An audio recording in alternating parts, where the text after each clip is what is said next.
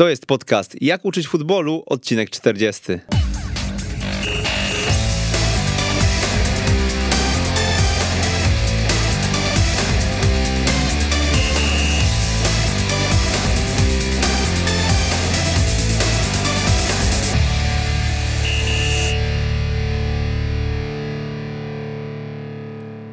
Jak uczyć futbolu? Przemysław Mamczak, odcinek 40. Witam serdecznie. Jak to czwartek o 16. Audycja o szkoleniu piłkarskim, a dzisiaj osoba, która ze szkoleniem piłkarskim ma do czynienia 24 godziny na dobę. E, autor bestsellerowej książki Nowoczesne, e, nowoczesne nauczanie i doskonalenie gry w piłkę nożną. Współautor książki Paweł Grycman. Witamy. Witam serdecznie, trenera, redaktora. Witam serdecznie wszystkich. I również e, nasz dzisiejszy gość, to aktywny aktualnie może nie, ale trener e, wieloletni mm, z boiska doświadczenie, prawda? Tak jest. Od 13 lat trener piłki nożnej na myślę, że wszystkich już poziomach mistrzostwa sportowego, tych dziecięco-młodzieżowych, także myślę, że tutaj będzie dużo tematu. Tak jest. Myślę, że o tych e, tematach szkoleniowych na pewno szeroko możemy, możemy podyskutować, ale najpierw e, krótkie przedstawienie pana osoby, czyli e, wiemy, że jest pan pracownikiem zarówno Wydziału Szkolenia Śląskiego Związku Piłki Nożnej, jak i katowickiego AWF-u. Co jeszcze, czym się aktualnie pan zajmuje, co było w przeszłości? No jest, jest tutaj dużo tematów. Ja myślę, że nie chodzi o to tutaj, żeby się chwalić pewnymi rzeczami, które się do tej pory zrealizowało. Na pewno e, oprócz tego, że mam zaszczyt pracować na uczelni u boku naprawdę wspaniałych ludzi, zacznę od trenera Antoniego Piechniczka, Roberta Góralczyka, doktora Władysława Szyngiery, e, wcześniej trenera Żmudy, także myślę, że to też mnie bardzo mocno ukierunkowało w tutaj kwestiach szkoleniowych i pozwoliłem sobie tutaj e, wiele rzeczy, o których będę chciał dzisiaj mówić, to tak naprawdę wynika też z rozmów z tymi ludźmi, bo to możemy mówić, że ktoś jest starszej daty, możemy mówić, że to już nie ten czas, ale tak naprawdę czasem jedne zdanie na przykład trenera Antoniego Piechniczka, no można, można o nim mówić cały dzień. Trenerze, no dobra, no to zaczniemy, nie mogę zacząć inaczej, bo takie były pytania na Twitterze, więc tak. Y, nie będzie to nasz temat przewodni dziś, ale co z tą książką? Czy ona jest dostępna, czy będzie, bo nakład się wyczerpał już z tego, co wiemy? Tak, y, no niestety myślę, że y, nie uda nam się już wydrukować kolejnego czwartego nakładu. Do tej pory sprzedało się ponad 7 tysięcy egzemplarzy. Jest tutaj no, takie drugie dno medalu, jest to książka bardzo droga w wydaniu i troszeczkę nas to, można powiedzieć, zaskoczyło. Nie sądziliśmy na początku, że będziemy zmuszeni i ta książka pójdzie w tak ogromnym nakładzie, bo tak naprawdę od stycznia już jej nie ma. Dzisiaj na chwilę obecną dostępna jest tylko w formie e-booku na stronie, na portalu Football Library. Mhm, do niego też przejdziemy, może później. Mhm. E, co skłoniło pana, żeby napisać taką książkę? E, ja jako trener, który rozpoczął pracę szkoleniową 13 lat temu na studiach, jeszcze tutaj naszego katowickiego AWF-u, no miałem zawsze problem z tym, żeby pewne rzeczy sobie uporządkować, tak? Kwestie tego, co robić, kiedy robić, na co zwracać większą uwagę, e, co zupełnie odpuścić, bo tak też czasami jest, że z pewnych rzeczy trzeba zrezygnować i brakowało mi takiej pozycji, w której właśnie będzie to wszystko ujednolicone i jeżeli wejdę do pracy szkoleniowej z daną kategorią wiekową, mówimy o tych najmłodszych do, do kategorii 12-13, czyli młodzika, to brakowało mi czegoś takiego, co pozwoli mi normalnie pracować, tak? Czyli wchodzić e, z pewnymi aspektami szkoleniowymi na coraz wyższy poziom. I myślę, że to nam się udało, taki był cel e, pozbierania tego wszystkiego razem i tak te wszystkie rozdziały w tej książce, tak począwszy od, od tej podstawy teoretycznej, poprzez te działania indywidualne, grupowe, zespołowe, e, ocenę tego wszystkiego, no taki był układ, taki był pomysł i myślę, że to się udało i co chciałbym podkreślić, my nie potrzebowaliśmy tutaj z doktorem e, reklamować tej książki. Ona się, można powiedzieć, sama reklamowała pocztą pantoflową i widzieliśmy to gdzieś po zamówieniach, że, że jakieś miasto, które kupiło, kilku trenerów kupiło, za chwilę z tego samego miasta e, kolejni kupowali. Także myślę, że to nam się udało. Z tego jesteśmy oczywiście dumni, ale jest tutaj pomysł na coś dalej, na kolejny krok, na to, żeby pójść, można powiedzieć, za ciosem i, i zrobić coś już na tym wyższym poziomie, czyli już o tych, mówimy o tych kategoriach już tutaj trampkarz e, junior, bo tak naprawdę wydaje się, że w tym temacie jeszcze jest wiele do zrobienia. To kiedy możemy się spodziewać czegoś? E, rozumiem, że to będzie pan na autorstwa książka. E, tak? Jest na razie pomysł, jest zalążek, jest, są jakieś myśli już na papierze. Ja myślę, że teraz tutaj, e, tak jak jeden z poprzednich gości, trener Marcin Dorna, który jest tutaj takim naszym koordynatorem projektu, skupiamy się na suplemencie do narodowego modelu gry pod tytułem Technika piłki nożnej. Tutaj było już kilka spotkań, bardzo ciekawych spotkań e, i myślę, że tutaj to jest taki moment, żeby teraz to wszystko ujednolicić. Jest to na pewno pozycja bardzo potrzebna, która e, ma nam ułatwić komunikację właśnie w kwestiach szkoleniowych. Dlatego myślę, że teraz to jest taki e, początek. Teraz na tym się skupiamy. Na letniej Akademii Młodych Orłów chcemy już e, kręcić jakieś filmy szkoleniowe pod ten, pod ten suplement, także myślę, że tutaj melodia przyszłego roku zimy. Mhm. Pańską e, książkę mm, nazywają niektórzy Biblią i tak naprawdę chyba na tych prawie 600 stronach można znaleźć wszystko, począwszy od metodyki, chociaż tak jak tutaj rozmawialiśmy przed audycją, może nie jest ona aż tak szczegółowa jak u mhm. profesora Talagi, e, ale poprzez przykładowe środki treningowe, e, wszelkie mm, speriodyzowanie nawet, nawet treningów w poszczególnych kategoriach wiekowych. Jaka jest Pana droga i jak przez te lata, do czego Pan doszedł i jakby chciał pracować? Ja myślę, że wielokrotnie tutaj na tych audycjach też e, pojawiało się hasło, że różne drogi prowadzą do Rzymu, tak? I nie ma takiej jednej ściśle określonej, która mówi, że pozwoli nam wychować e, profesjonalnego zawodnika. Ja uważam, że wszystko trzeba oczywiście wypośrodkować, ale dzisiaj żyjemy w takim troszeczkę przesycie informacji, które napływają do nas z różnych źródeł. I ta selekcja wiedzy to jest dla mnie dzisiaj kluczowe, też zwracamy bardzo uwagę na to na kursach e, i uważam, że dzisiaj problemem e, i taką drogą, na czym się trzeba też zastanowić, jest to, żeby to wszystko rozpisać pod kątem progresji, tak? Żeby wchodzić na początku, zdiagnozować potencjał, z którym mamy do czynienia. E, czy jest to poziom taki, jak my to mówimy czasem, złośliwy, głęboki grassroots, czy jest to już jest to potencjał taki, który pozwoli za chwilę wejść na tą ścieżkę profesjonalną. I tak naprawdę potem, jeżeli się zdecydujemy i zaczniemy od tego punktu zero, to potem najtrudniejszy punkt to jest ta progresja. Jak wchodzić cały czas na wyższy poziom, dokładając nowych treści, dokładając nowych środków treningowych, yy, zmieniając troszeczkę filozofię w kontekście tego, żeby było troszeczkę trudniej, a jednocześnie, żeby było to cały czas dostępne i możliwe do realizacji przez zawodników. Także ja uważam, że tutaj yy, tu jest problem i tu na tym chciałbym się skupić, żeby trener mógł dzisiaj odnaleźć ten punkt, od którego powinien zacząć edukację w swoim zespole, w swojej drużynie, tak? Bo wydaje mi się, że tu jest, tu jest problem. Wiele rzeczy chcemy, ja bym to tak porównał do takiej szkoły, klasycznej szkoły, że wiele rzeczy chcemy zacząć od liceum, nie mając podstawówki, a często jest tak też, że zupełnie na odwrót, czyli e, jesteśmy w podstawówce, no i właśnie i wchodzimy w treści licealne, czyli nie mając tych podstaw chcemy realizować rzeczy bardzo trudne i myślę, że tutaj jest taki problem, że rzeczywiście e, trudno się odnaleźć w konkretnym momencie naszej drogi. No właśnie, no to jak się odnaleźć? No, jeszcze raz podkreślam, zależy gdzie jesteśmy, tak, w którym miejscu y, nasi zawodnicy są. I ta książka y, ma na celu też ujednolicenie pewnych rzeczy, stwierdzenie, brakuje nam działań grupowych, chcemy, chcemy zwrócić uwagę na aspekty techniczno-taktyczne, brakuje nam czystej formy analitycznej, tak, czyli tego po prostu naszego uderzenia piłki tam i z powrotem w parach naprzeciwko siebie, którego nie chcemy, ale być może jest to droga, która nam pozwoli wejść na wyższy poziom, być może trzeba to zrobić po treningu, być może trzeba zrobić to w formie treningu indywidualnego, wyrównawczego, o którym się też mało mówi, czyli zejść do tych prostych rzeczy. Ja uważam, że my często e, mówimy, szukamy tych przysłowiowych 2%, e, tak? a często zapominamy o tych 98%. E, to jest tak jak z narodowym modelem gry, tak? Którego, e, który jest fantastyczną pozycją, oczywiście którą każdy trener powinien znać, jak my to mówimy, od dechy do dechy, a tak naprawdę wszyscy go mają, a pytanie, ilu go przeczytało, ilu go rozumie i ilu próbuje coś z tym zrobić, bo nie przeczytać to nie znaczy, że ja wszystko wiem. No, trzeba troszeczkę przemyśleć pewne sprawy i spróbować robić. Także ja myślę, że z naszą książką było podobnie. Wielu ją ma, e, ale tak naprawdę często rozmawiam z ludźmi, tak, gdzieś tam o, tym, o tej książce, rozmawiamy o, o, pewnych aspektach tej książki, o pewnych detalach i mam wrażenie, że nie do końca wszyscy jeszcze y, odbierają to tak, jakbym ja jako jeden ze współautorów chciał. Tak jak ja dzisiaj. Tak jest, dokładnie nawiązuje do naszej wcześniejszej rozmowy.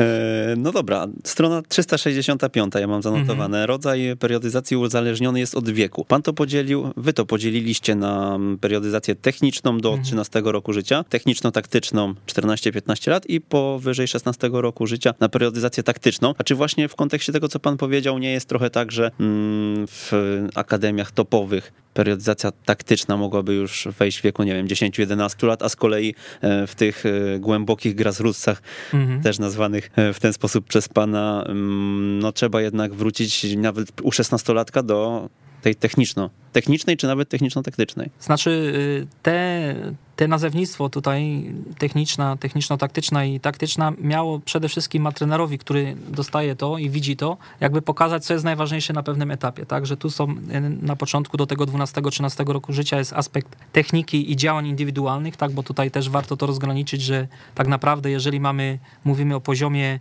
już e, profesjonalnego szkolenia i mówimy o dużej selekcji, to tak naprawdę rozpoczynamy już tą naukę o działań indywidualnych, tak? Czyli wchodzimy te aspekty techniczno-taktyczne, czyli już e, uczymy prowadzenia piłki, ale jednocześnie e, połączonego z obserwacją, z innymi elementami, tak? Przed podaniem, przed przyjęciem chcemy już, żeby zawodnik troszeczkę zobaczył wokół niego, co się dzieje. Tak, tak naprawdę chcieliśmy pokazać, co jest najważniejsze w takich prostych słowach, w jednym wyrazie, tak? Że tu jest aspekt indywidualny, a na etapie techniczno-taktycznym, czyli tej periodyzacji po 12-13 rokiem życia, tych działań grupowych, tak, o których mhm. też e, niestety uważam w Polsce jeszcze się mało mówi, a są kluczowe. W wielu krajach e, naprawdę tutaj ja miałem przykład bycia e, w Dynamie Zagrzeb, gdzie te, te działania grupowe są bardzo mocno eksponowane i można powiedzieć, że to jest taki ich konik, tak, na który bardzo często zwracają uwagę, a u nas, na przykład też w polskiej literaturze, o tych działaniach grupowych mało się mówi, mówiło do tej pory, to szkoła wrocławska, która zawsze podkreślała ich ważność. E, też tutaj e, trener Miłosz Stępiński podkreślał właśnie cytując te wzorce niemieckie, ale tak naprawdę gdybyśmy się zastanowili nad piłką nożną, to zawsze wokół zawodnika z piłką, wokół piłki jest jakaś grupa, tak? Czy to jest to przewaga liczebna, czy równowaga liczebna, czy przewaga liczebna broniących i pytanie, co my trenerzy robimy, żeby zawodnik odnalazł się w grupie tak? czyli właśnie w tych działaniach grupowych. Tak? E, no i żeby o tym mówić, no to trzeba przede wszystkim te działania grupowe znać. Tak? I to, to jest takie często nasze pytanie, które my na kursach trenerskich e, zadajemy, wymień działania grupowe, no bo skoro ich nie znasz, no to jak, jak chcesz zawodnika nauczyć, na przykład obiegnięcia czy, czy zmiany krzyżowej. Tak? Mhm. Czyli co? Czyli mm, na jakim etapie jakby mm, uważa pan, żeby więcej że trzeba się skupić więcej na tych właśnie działaniach grupowych. No tak jak opisujemy, jest to et, dla nas etap e, młodzika, mhm. E, etap już późnego orlika, to też oczywiście zależy od tego, na jakim poziomie tutaj, o jakim poziomie mówimy. Dlaczego? Z bardzo prostych względów. Przede wszystkim dziecko mniej więcej w wieku 10-11 lat już wychodzi z tego egocentryzmu, to jest to wyjście, tak, czyli widzi potrzebę e, współpracy między innymi za pomocą podań. To pierwsza sprawa, a druga sprawa rozwój koordynacyjnych zdolności motorycznych. Tak? Dziecko do 10 roku życia jest nieklujne, niestabilne i wiele razy popełnia błędy, i tak naprawdę my go oczywiście nauczymy podań, my go nauczymy wielu rzeczy, ale poświęcimy na to więcej czasu. Jeżeli mówimy jeszcze o, o takim zawodniku, który nie ma talentu, nie ma pewnych predyspozycji, to jeszcze więcej czasu będziemy na to potrzebować. Dlatego młodzik, bo zawodnik jest już, powinien być dobrze skoordynowany, powinien mieć pewne umiejętności, a przede wszystkim on już rozumie potrzebę współpracy drużynowej, czyli jego głowa chce, jego nogi potrafią, jest to idealny moment do tego, żeby takie działania bardzo mocno zaakcentować. Dlatego też ta periodyzacja techniczno-taktyczna, my ją tak nazywamy, e, to są przede wszystkim to, jest te, to są te działania grupowe, które chcemy bardzo mocno akcentować przez 4 lata tak naprawdę, czyli etap młodzika i, i trampkarza. Koordynacja, mamy pytanie od Tomka Chludzińskiego z Twittera. Mhm. E, sposoby nauczania koordynacji w treningu piłkarskim. E, to jest konkretne pytanie i ogólnie czy uważa pan, że AMO spełniło, spełnia swoją rolę i co ewentualnie by pan zmienił w tym programie? To może za chwilkę o tym. Mhm. Zacznę od tego, że oczywiście koordynacji nie nauczamy, tylko kształtujemy, tak? bo zdolności motoryczne e, kształtujemy i to jest często tak, że my dzisiaj mówimy kształtujemy koordynację, tak? Idziemy na drabinki koordynacyjne, tak? I często to, to nie ma nic wspólnego e, z koordynacją. No dla skrzata każdy trening jest treningiem koordynacji, bo jeżeli skrzat, e, jeżeli uczymy się nowego elementu, to już jest to element koordynacyjny, tak? Bo zawodnik uczy się jakiegoś ruchu, tak? Dlatego e, pojęcie koordynacji jest kluczowym pojęciem, ale przede wszystkim ja, ja tutaj bym skupił się na tym, że trzeba znać tych siedem zdolności koordynacyjnych, wiedzieć, kiedy są te okresy sensytywne i krytyczne, czyli te okresy wrażliwe, kiedy ten bodziec działa tak naprawdę, przynajmniej podwójnie, czyli uczymy takiego, kształtujemy to e, przynajmniej dwukrotnie szybciej i Teraz trzeba połączyć wszystko z piłką, tak? No proszę zobaczyć, proste, prosta logika, jeżeli na etapie żaka, czyli 8-9 lat, e, nauczamy prowadzenia piłki, jako tego podstaw tej podstawowej umiejętności piłkarskiej, no to należy łączyć to z elementami koordynacji, tak? Obserwacja przestrzeni wokół prowadzenia piłki to już jest element koordynacji. Jeżeli mówimy o podaniach i przyjęciach piłki na etapie orlika, no to tymi elementami na przykład orientacji przestrzennej to będzie właśnie ta percepcja przed podaniem i przyjęciem piłki, tak? Jeżeli mówimy znowu o młodziku 12-13 lat, no to percepcja, czyli orientacja przestrzenna, bo to tak naprawdę to samo, e, to będziemy uczyć tego już w działaniach grupowych w formie już gier e, w przewadze czy równowadze liczebnej. Czyli tak naprawdę bardzo umiejętnie jesteśmy w stanie to połączyć też z elementami piłkarskimi i wydaje mi się to jest często problem. I na drugą rzecz bym zwrócił uwagę, problem e, progresji środków treningowych, jeżeli chodzi o koordynację, tak? Bo pamiętajmy, że kształtowanie koordynacji to jest, to jest nauka nowego, nieznanego ruchu. Jeżeli popełniam błędy, uczę się tego ruchu, to kształtuję koordynację. Jeżeli e, już wychodzę z tego, czyli to, jest, to wynika oczywiście z etapu e, z kształtowania nawyku ruchowego, tak, ostatni etap, czyli automatyzacja, uplastycznienie. Jeżeli ja już robię coś bez udziału świadomości, no to już nie mogę powiedzieć, że ja kształtuję koordynację. Ja już wchodzę w inną zdolność, na przykład e, kształtowanie mocy, tak, robię jakąś dynamikę, tak, ale to nie ma nic wspólnego z koordynacją. Czyli można e, uprościć to i jeszcze powiedzieć w ten sposób, że do momentu, kiedy popełniam błędy, uczę się czegoś, to kształtuję koordynację. W momencie, kiedy to już opanuję, to muszę iść dalej, muszę iść na bardziej zaawansowane środki treningowe. Mhm. Amo, sukces czy porażka? E, ja myślę, że trzeba to rozpatrywać indywidualnie. Ja mogę wypowiedzieć się na temat Amo Katowic, gdzie e, miałem przez 3,5 roku okazję być e, koordynatorem, trenerem. Dla mnie fantastyczny projekt. Dlaczego? Bo mogliśmy zacząć pracować bardzo wyselekcjonowaną grupą dzieci, tak? I tak naprawdę przyjeżdżały dzieci z Poczęstochowy, z Podżywca, Rybnika, czyli z tych wszystkich zakątków tutaj naszego województwa śląskiego. Mogli się spotkać wszyscy razem. Mógł się spotkać zawodnik Górnika Zabrze, Ruchu Chorzów, e, GKS-u Katowice, czyli klubów, które może kibicowsko się nie za bardzo lubią, ale tak naprawdę e, wszyscy trenowaliśmy razem i ja mogę powiedzieć, że ten, te 3,5 roku tutaj e, jako AMO dało mi ogromną taką dawkę doświadczenia pracy z małymi dzieciakami, i tego, jak wiele rzeczy można fajnych już z nimi zrobić, jak bardzo można szybko wchodzić na coraz wyższy poziom, ale podkreślę jedną rzecz. Dla mnie siła tego projektu to jest przede wszystkim selekcja. My w Katowicach mieliśmy mocną selekcję, 300-350 e, dzieciaków, tylu, tylu, tylu startowało w Dniach Talentu, dostało się 60-70, różnie, różnie to bywało. Myślę, że na tym etapie piłki 6, 12, 6, 11 lat E, była to selekcja, przynajmniej u nas na przykład w województwie śląskim niespotykana, żeby trenerzy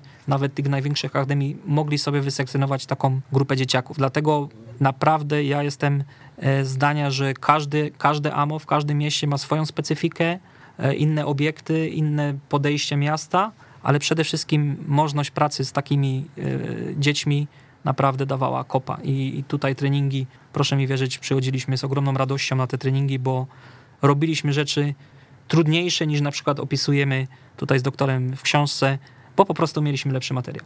Mhm, no dobra, ale to co było, co by pan poprawił już po latach, po tym, mhm. z czym się pan spotkał i też e, to, co płynie z całej Polski, nie? czyli informacje odnośnie treningu w klubie, który kolidował często z treningami AMO. Panie redaktorze, no y, pytanie kolidował, tak? Pytanie, czy dwa, trzy treningi w klubie plus dwa treningi w AMO, e, czy to jest za dużo, tak? Trzeba sobie odpowiedzieć na to pytanie. Naszym zdaniem zdecydowanie nie. Światowa Organizacja Zdrowia mówi, że dziecko w tym wieku te 60 minut e, aktywności fizycznej to jest minimum. Ciężko mówić też o jakimś profesjonalnym treningu. Mówimy cały czas o, o dzieciach, o, o materiale, który potrzebuje ruchu, dlatego e, na początku rzeczywiście mieliśmy problemy z klubami w kontekście tego, że nie chcieli nam zaufać, ale problem rozwiązał się w momencie, kiedy dziecko już było na treningu i powiedziało, że zawsze z chęcią będzie na takie treningi chodziło, bo tam się czuło dobrze, a przede wszystkim mogło rozwijać się, bo trenowało z tymi najlepszymi. Dlatego ja uważam, że ilość treningów tutaj popadliśmy niestety, idziemy w tym kierunku, że cały czas mówimy, że za dużo. No jakbyśmy wrócili do naszych czasów dzieciństwa, ja myślę, że, że i trener i ja jeszcze się, jeszcze do, jeszcze pracowaliśmy, funkcjonowaliśmy w, tym, w tej piłce podwórkowej, no to tam się grało cały czas. To jak to dzisiaj tutaj odbić w tym kierunku? Mhm. Do tego też przejdziemy, bo tutaj nie ukrywam, mhm. że przed audycją mieliśmy wzburzoną dyskusję, tak. tyle, tyle wątków e, z jednego na drugi przeskakiwaliśmy. Mam wrażenie, że żadnego porządnie nie omówiliśmy i pewnie też w audycji zabraknie nam czasu, no ale może to będzie e, dobra okazja, żeby spotkać się e, ponownie. Ale jeszcze do tego AMO wrócę, mhm. czyli jakby nie patrząc na tą intensywność, czy coś macie sobie do zarzucenia, do poprawienia mm, z perspektywy czasu, bo mam wrażenie, że pan też ocenia z perspektywy Katowic, mhm. Górnego Śląska, ale nie wszędzie było tak kolorowo, bo jeśli mówi pan o tym, że, że faktycznie Górnik, Ruch, te największe kluby mhm. się, się spotykały mm, u was na treningach, to ja wiem, że tak nie było w całej Polsce. Panie redaktorze, oceniam to, gdzie pracowałem.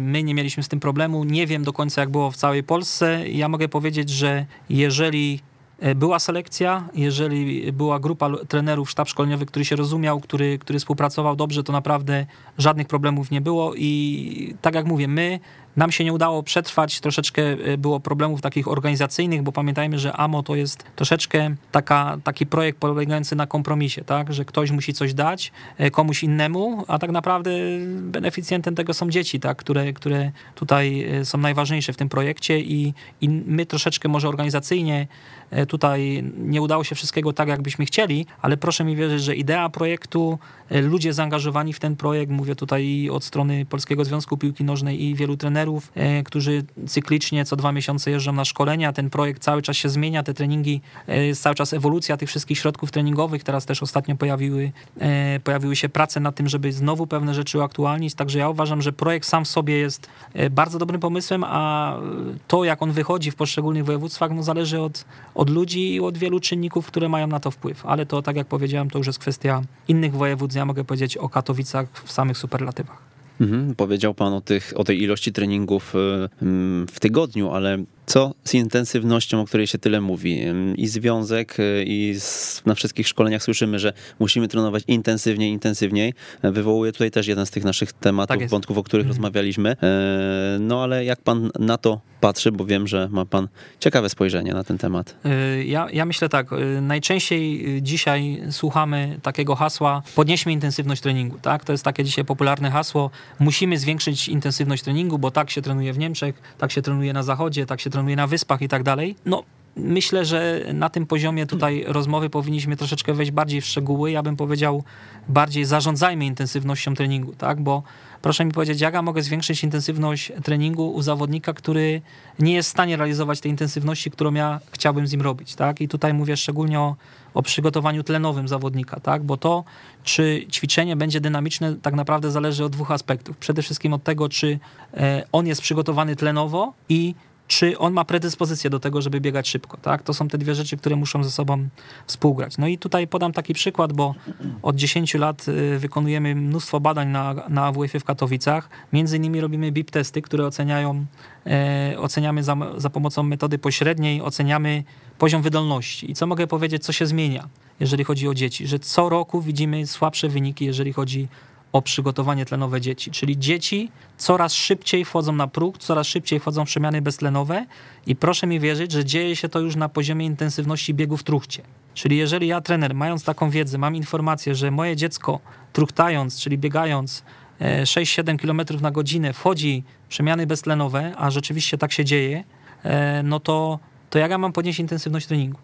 To ja muszę coś wybrać, tak? I teraz pytanie, czy wybiorę przygotowanie tlenowe, czy wybiorę od razu interwał? Ja nie mówię, że nie może być interwału, ale co mi z tego, skoro w dziesiątej minucie ja robię dynamiczne ćwiczenie pod tytułem gra jeden na jeden, a tam nie ma dynamiki w tym ćwiczeniu, tak? A tak naprawdę przede wszystkim gra jeden na jeden, no swoją skuteczność opiera na dynamice, tak? Na timingu, wykonania tego zwodu i na dynamice. Ale tej dynamiki nie ma, bo te dzieci nie są w stanie już funkcjonować dynamicznie. Ja bym powiedział właśnie zarządzanie intensywnością i to, czego się często wstydzimy, przerwy wypoczynkowe.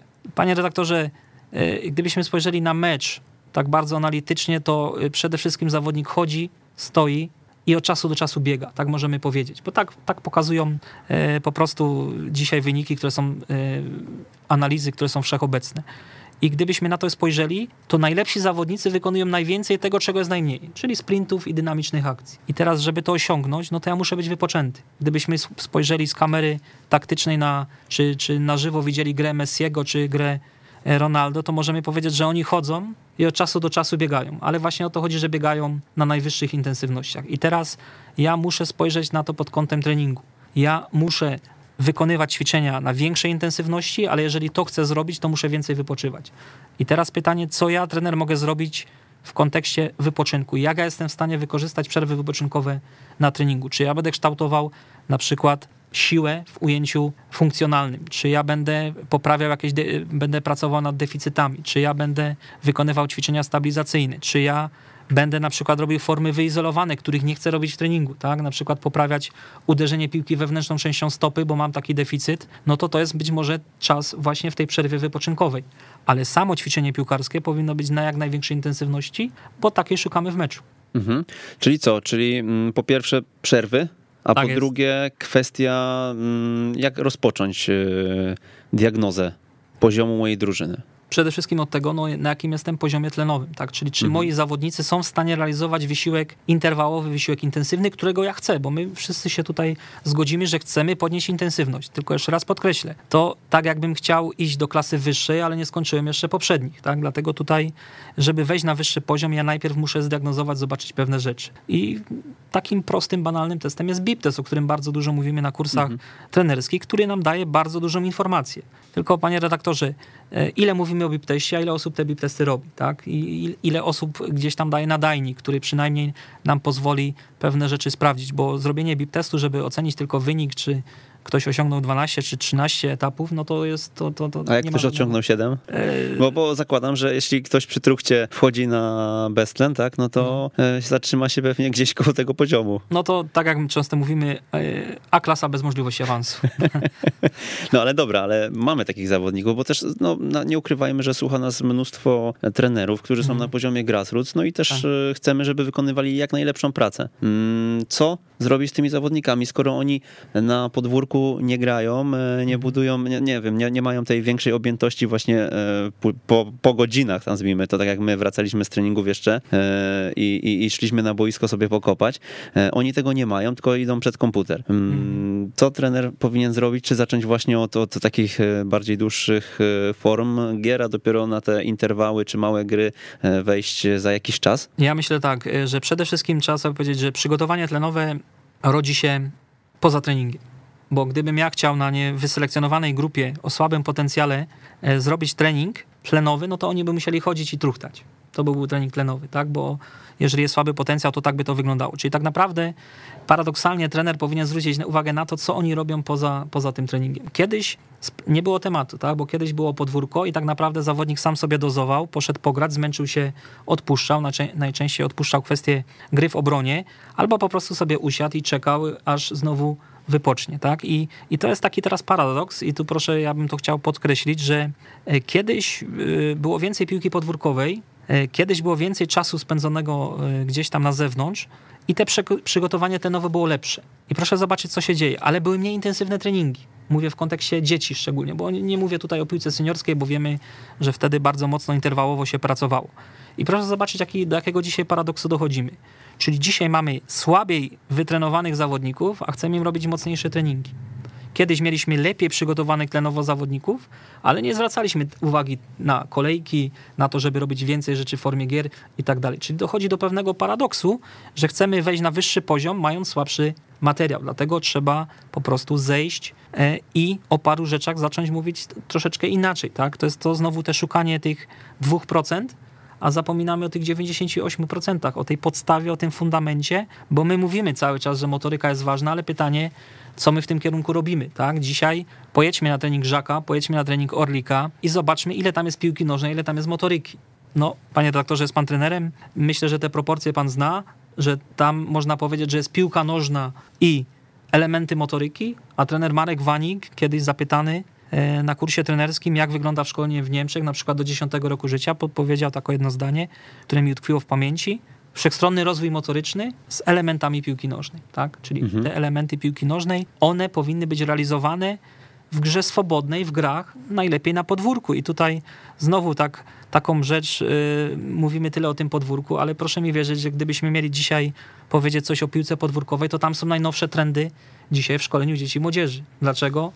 Bo nie ma trenera, który steruje, bo gramy, bo na podwórku gramy cały czas do przodu, tak? Nie, nie gramy do tyłu, bo bramkarz jest lotny i gra często nogami, tak? Bo nie ma sędziów, sami sobie rozwiązujemy swoje konflikty, swoje spory, czyli tak naprawdę dzisiaj cała kreatywność, o której się dzisiaj tyle mówi, kreatywność rodzi się w grze swobodnej.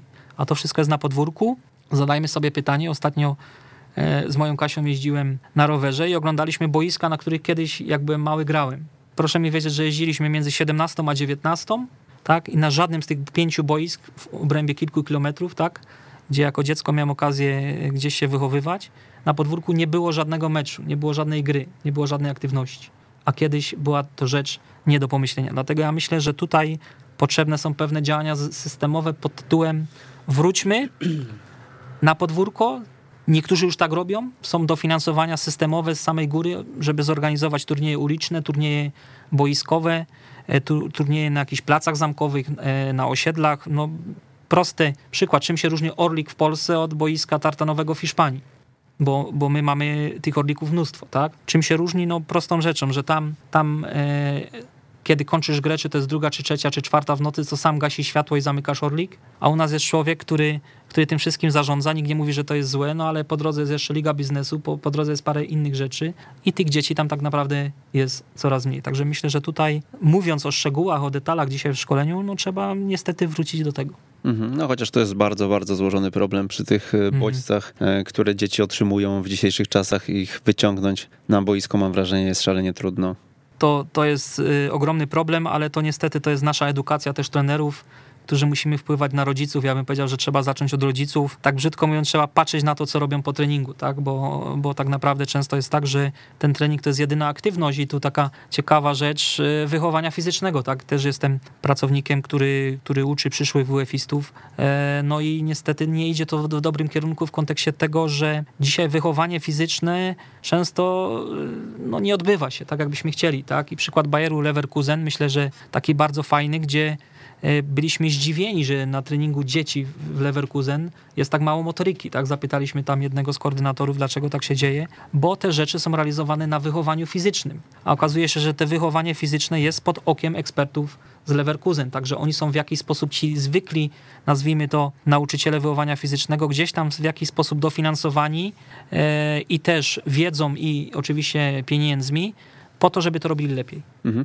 Wracając jeszcze, nie oceniając tego, natomiast wracając do pana wypowiedzi odnośnie tego, e, tego co trener Wanik e, mhm. zaproponował. E, jak zestawić to z tym, czego uczymy się również na kursach UEFA w kontekście właśnie grassrootsa i radości z gry. Bo no też celem trenera na poziomie grassroots w dużej mierze jest e, krzewienie tej kultury sportowej, żeby to dziecko nie odpadło nam w tych, ten newralgiczny jest chyba 12 rok życia, prawda? Kiedy, tak, kiedy, kiedy już ten procent, wybrać, tak. Kiedy ten mhm. procent mm. dzieciaków, które porzucają futbol i, i, ogólnie sport e, na korzyść właśnie komputera jest szalenie wysoki. No i teraz jak to zestawić właśnie z tymi formami bardziej powiedzmy e, związanymi e, ze ścisłymi formami, nauczaniem, mhm. cofnięciem się i tak dalej, i tak dalej. E, panie redaktorze, no przede wszystkim musimy zacząć od słowa, które, które jest kluczowe w tej naszych rozważaniach, czyli od selekcji. Wielu już o tym oczywiście mówiło i tutaj nie odkryjemy Ameryki, ale pytanie, na jakim etapie jesteśmy w stanie dobrze selekcjonować. Jeżeli przyjeżdża do nas w tamtym roku Benfica Lizbona, y, kategoria U9, tak, i wygrywa ze wszystkimi po 14, 20, 10-0, w finale wygrywa gdzieś tam kilkoma bramkami z Dynamem Zagrzeb, no to jest, zadajmy sobie pytanie, jak to jest możliwe, że dzieci w Benfice wieku U9 robią taką jakość, tak? No i oczywiście trenerzy tam pojechali, zobaczyli e, i byli dokładnie na stażu, bo miałem taki raport z tego stażu akuratnie w tej kategorii wiekowej i proszę, e, krótko opowiem, oni robią dokładnie to samo.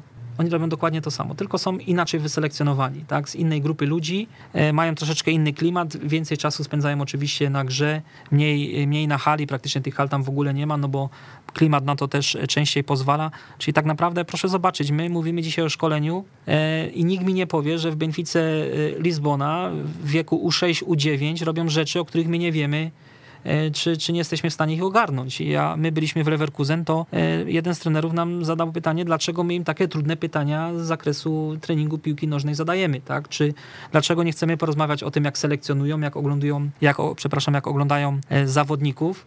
Ja myślę, że tutaj znowu proste hasło selekcja, trzeba się na tym pochylić, a odpowiadając na pytanie pana redaktora, piłka profesjonalna to mniej zmian. E, piłka amatorska to tak, tak naprawdę robienie każdemu dobrze i tak brutalnie trzeba powiedzieć, że w piłce takiej na poziomie właśnie grassroots amatorskim trzeba zrobić tak, żeby wszyscy byli szczęśliwi, a będą szczęśliwi, jeżeli będą grać piłkę nożną, tak? bo to jest oczywiście najlepszy zawsze środek treningowy.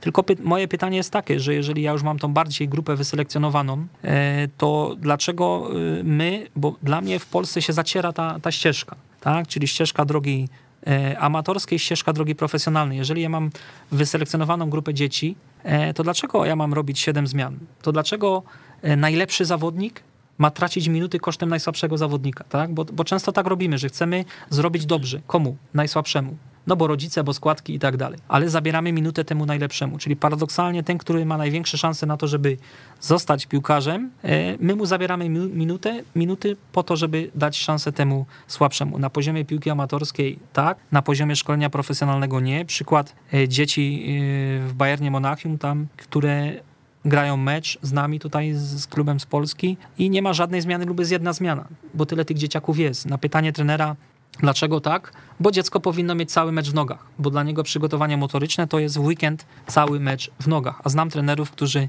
e, chwalą się tym, ile robią minut, ile robią zmian i potem na końcu pokazują rubryki, ile kto grał, że wszyscy grali tyle samo. Ja się pytam, dlaczego ci najlepsi grają mniej kosztem tych słabszych. No tutaj podstawą jest to, od czego pan chyba zaczął, czyli rozgraniczenie, mm, czym się zajmujemy na co dzień. Czy to jest grassroots, czy akademia ekstraklasowa, nazwijmy to, czy A, a ja myślę, że my, my się nie mamy, panie traktorze, czego wstydzić, bo y, przykład Akademii Zagłębia Lubin. Jeżeli my jesteśmy w stanie wyselekcjonować sobie mocny rocznik, tak, i jeżeli Akademia Zagłębia Lubin pojechała i wygrała mecz z Ajaxem Amsterdam y, ze swoimi rówieśnikami, tak, na poziomie tam y, trampkarza, czy, czy, czy młodzika, no to, to pokazuje, że my też potrafimy, tak? To nie jest tak, że oni są gdzieś nie wiadomo w jakim miejscu, tylko to jest kwestia tego, czy jesteśmy w stanie wyselekcjonować rocznik i myślę, że ze sprawami merytorycznymi jesteśmy w stanie sobie poradzić, mając taką bazę na przykład jak w Zagłębiu Lubin, a przypomnę tylko, że powstaje wiele nowych, tak? Przed chwilą otworzyli w Jagiellonii Białystok, za chwilę będzie Krakowia, u nas w Katowicach też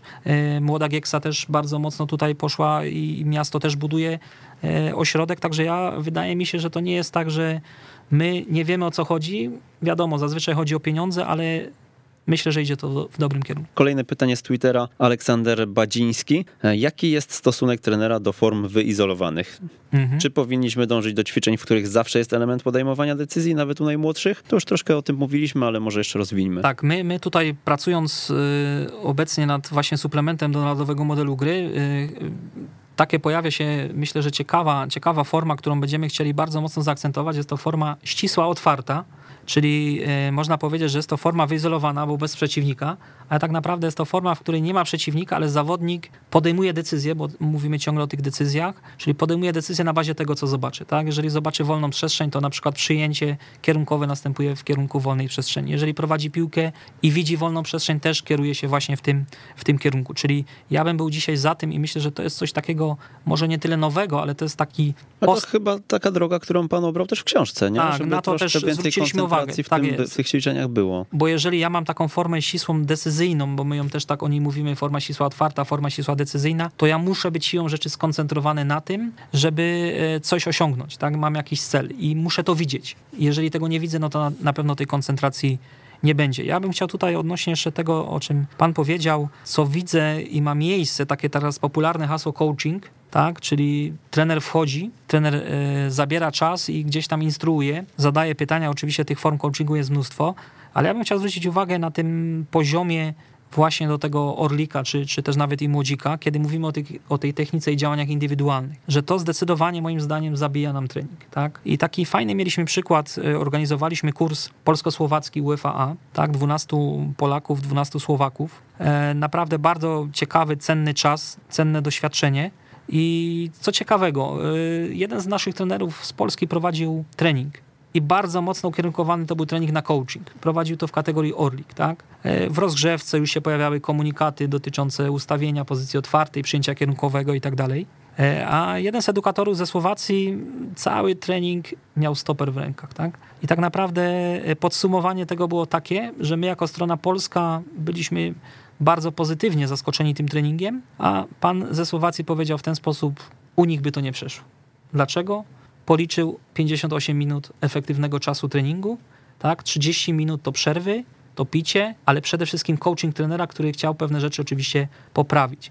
I teraz, panie redaktorze, ja myślę, że my dzisiaj mamy problem taki, że mamy napływ wielu młodych trenerów, którzy mają bardzo duże e, spektrum wiedzy, bo dużo czytają, bo rzeczywiście dzisiaj jest natłok informacji, ale im więcej wiesz, to tym więcej rzeczy chcesz poprawić tak, bo więcej widzisz błędów. No i teraz właśnie mądrość tego trenera polega na tym, żeby nie zatrzymywać wszystkiego, a wymusić pewne sytuacje, bo ja ucząc na początkowym etapie ja nie muszę nic mówić. Ja poprzez organizację ćwiczenia, czyli zarządzanie czasem, ludźmi, przestrzenią, tymi trzema aspektami, ja jestem w stanie wszystko wymusić. Jeżeli ustawię dwóch zawodników, którzy się gonią, jeden drugiego i na przykład jako trener będę podnosił rękę, no to już daje sygnał do tego, że się gonią, czyli robią to na 100%, że muszą na mnie patrzeć, bo ja podnoszę co jakiś czas rękę i kontrolują piłkę, żeby jej nie uciekła. Czyli wszystkie najważniejsze elementy przy prowadzeniu piłki są realizowane i żaden coaching nie jest potrzebny. I mogę wiele ćwiczeń, wiele środków treningowych w ten sposób na tym początkowym etapie zastosować. Jeszcze raz podkreślę, poprzez wymuszenie organizacją ćwiczenia, zasadami, tym, żeby trenera nie było. I ja bardzo cenię trenerów takich, na przykład też na kursach trenerskich, kiedy prowadzą ćwiczenia i w mikrogrupach, i, i na zwykłej pedagogizacji, kiedy organizują w ten sposób ćwiczenie, żeby oni zrobili dwa kroki w tył. Ich nie było. Bo wtedy, jak to się mówi, najlepsza metoda dzisiaj nauczania, e, zrób wszystko tak, żeby zawodnicy uczyli się sami. Czyli zorganizuj ćwiczenie tak, żeby zawodnicy uczyli się sami i myślę, że do, do, tego trzeba dążyć. Dużo tutaj wspólnych punktów e, z Polish Basketball Clinic, z którego właśnie wróciłem u profesora Hucińskiego i Tomka Wilczewskiego. Zresztą też organizujecie konferencje, kursy mm, z ich udziałem, prawda, w Katowicach? I ja myślę, że, że profesor Huciński i Tomek e, to są postacie, którzy rozpoczęli, e, nazwijmy to, przygodę z piłką nożną na kursie trenerskim UEFA w Katowicach. Tak się rozpoczęło, tak? Mhm. Zostali, mhm. zostali zaproszeni przez doktora Schyngerę e, na AWF. E, zrobili furorę i wielu, wielu e, ich, można powiedzieć, powstało wtedy, pojawiło się wielu ich uczniów, którzy, którzy do dzisiaj głoszą, powiedzmy, ich, ich tutaj nowiny i my oczywiście cały czas ich tutaj współpracujemy ze sobą. Byli ostatnio u nas na konferencji. Mało tego, na najbliższej sesji kursu UEFA i UEFA B plus A też, też będą w panelu. Chcemy ich też zaprosić. Także cały czas współpracujemy, widzimy wiele tutaj oczywiście wspólnych tematów, aczkolwiek uważamy też, jedno, że pewnych rzeczy e, w kontekście już umiejętności techniczno-taktycznych nie da się przełożyć na piłkę nożną. Ona jest troszeczkę inna niż koszykówka, mimo że to też oczywiście gra drużynowa, też e, mówimy o nawykach otwartych, o decyzji, decyzyjności, ale jednak pewne rzeczy są inne i myślę, że tutaj jeszcze wiele czeka nas takich rozmów, wiele interesujących tematów i jakieś stanowisko wspólne w wielu tematach wypracowujemy. No ja mogę tylko powiedzieć, że bardzo podoba mi się podejście e, profesora e, w kontekście budowania świadomości tak, zawodników, czyli żeby przełożyć tą odpowiedzialność na, na zawodnika, e, i to jest mi bardzo bliskie i, i, uważam, że tutaj ja jako trener piłki nożnej, który pracował najczęściej z kategoriami właśnie juniorów, bo najczęściej pracowałem z juniorami, to tu miałem, tu widzę ogromne pole do poprawy właśnie o tym, żeby zawodnik robił jak najwięcej rzeczy sam, a nie trener, tak? Bo jeżeli robisz sam, no to na pewno nikt nie widzi, no to, to wtedy robisz to lepiej i bardziej się do tego przykładasz. Tak, i profesor mówi też o tych 18 słowach, które, które, po których już dziecko się wyłącza, tak? Czyli jak, mm. jak przekazujemy więcej, no to e, nie jest w stanie się skoncentrować, oczywiście też na jakimś tam etapie. Tak. Natomiast, e, natomiast tak z ciekawości jeszcze zapytam, bo też wielu pewnie słuchaczy czytało reportaż z Polish Basketball Clinic na Weszło Junior. Mm. Jakie, ja nie czytałem jeszcze. Jakie no. są elementy, mm, o których pan wspomniał, których nie można przełożyć pana zdaniem z koszykówki właśnie do piłki? Znaczy, tutaj musielibyśmy się zagłębić już bardziej e, w te, w te treści, o których mówią e, tutaj panowie koledzy. Ja bym, e, tutaj rozmawialiśmy ostatnio właśnie z Tomkiem w Katowicach na temat tego, jak nauczać umiejętności takich stricte technicznych, tak, żeby rozpocząć, czyli każde, każde, każda umiejętność podzielić na to, co jest w niej trudne, średnie, nazwijmy to, o średnim poziomie zaawansowania i proste. I zacząć uczyć od tego najtrudniejszego elementu. I ja w tej chwili mam taki problem, żeby wszystko to przełożyć, żeby było idealnie, tak? Bo jeżeli na przykład mówię o, o podaniu czy przyjęciu piłki jako elemencie, który bym rozbił na to, co jest łatwe, trudne, no to najtrudniejsze jest, na, jest to, żeby przed tym przyjęciem spojrzeć, tak, odpowiednio ustawić się, czyli y, dojść do tej pozycji otwartej. I to jest, wydaje się, najtrudniejsze, żeby, żeby zdobyć tą przestrzeń i te ustawienie. I uczyć od tego, kosztem tego, żeby przyjąć piłkę e, odpowiednią częścią stopy w odpowiednim kierunku, tak, żeby mieć nad nią kontrolę, żeby po tym przyjęciu przyspieszyć. Wydaje mi się, że e, nie do końca by się to sprawdziło, ale tak jak myślę, y, myślę, że tutaj, tak jak mówię, być może ja jeszcze za, nie jestem tak bardzo wtajemniczony w to, o czym tutaj panowie mówią, ale jeszcze raz podkreślę, jestem naprawdę pod dużym wrażeniem i myślę, myślę, że ta współpraca na pewno będzie owocna. Powiedział pan o natłoku informacji.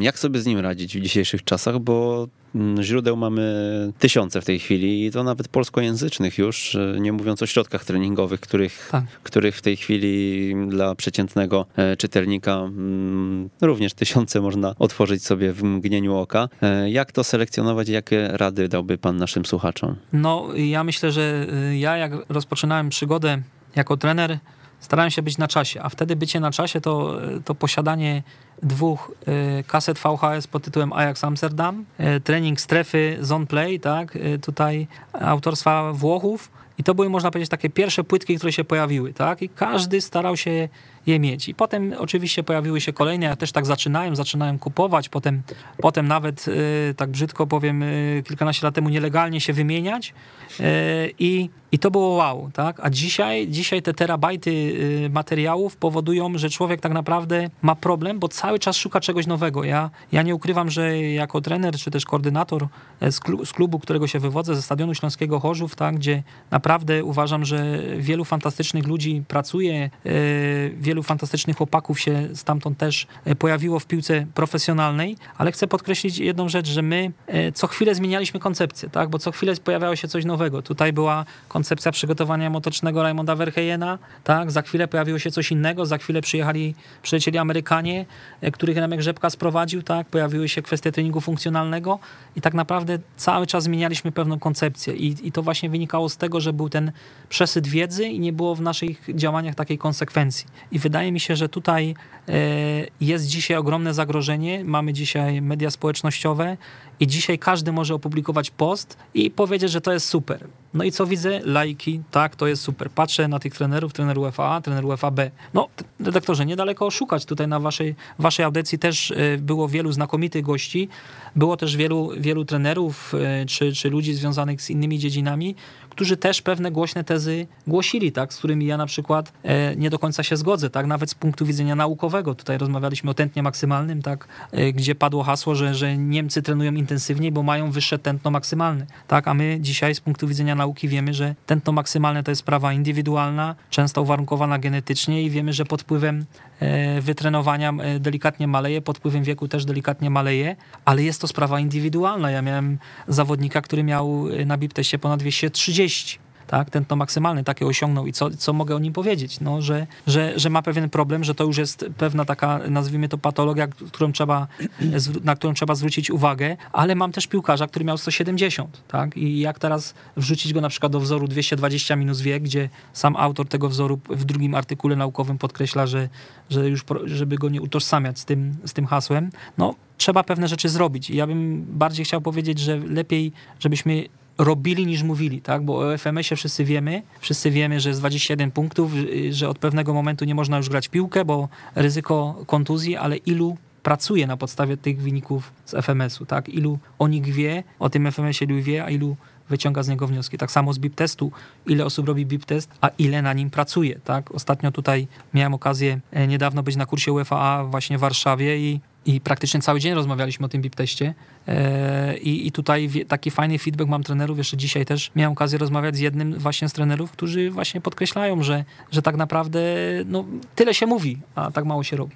Mhm. No tak, ale to tak cały czas kluczymy, kluczymy, ale jak to, wysele- jak to przeselekcjonować, przepuścić przez sito, bo e, tak jak wspomniał pan nasze audycje, my gościmy ludzi z najróżniejszych kręgów, mhm. e, no i są tutaj, byli u nas i e, fani periodyzacji taktycznej, i fani bardzo wyizolowanych form, i e, Kerwer Coaching, tak? No tak, tak. zresztą u pana w książce również e, możemy tam w tych ostatnich rozdziałach znaleźć różne metodologie e, mhm. szkoleniowe, no i też ja mam wrażenie, że żadna nie jest zła, a żadna nie jest idealna, tak? Każdy powinien znaleźć swoją drogę. E, no i pytanie, jakie rady tutaj ma? Panie redaktorze, no na to pytanie nikt nie zna odpowiedzi. E, te pytanie się już pojawiło e, z pana ust tutaj u paru gości, nikt na nie nie odpowiedział jednoznacznie.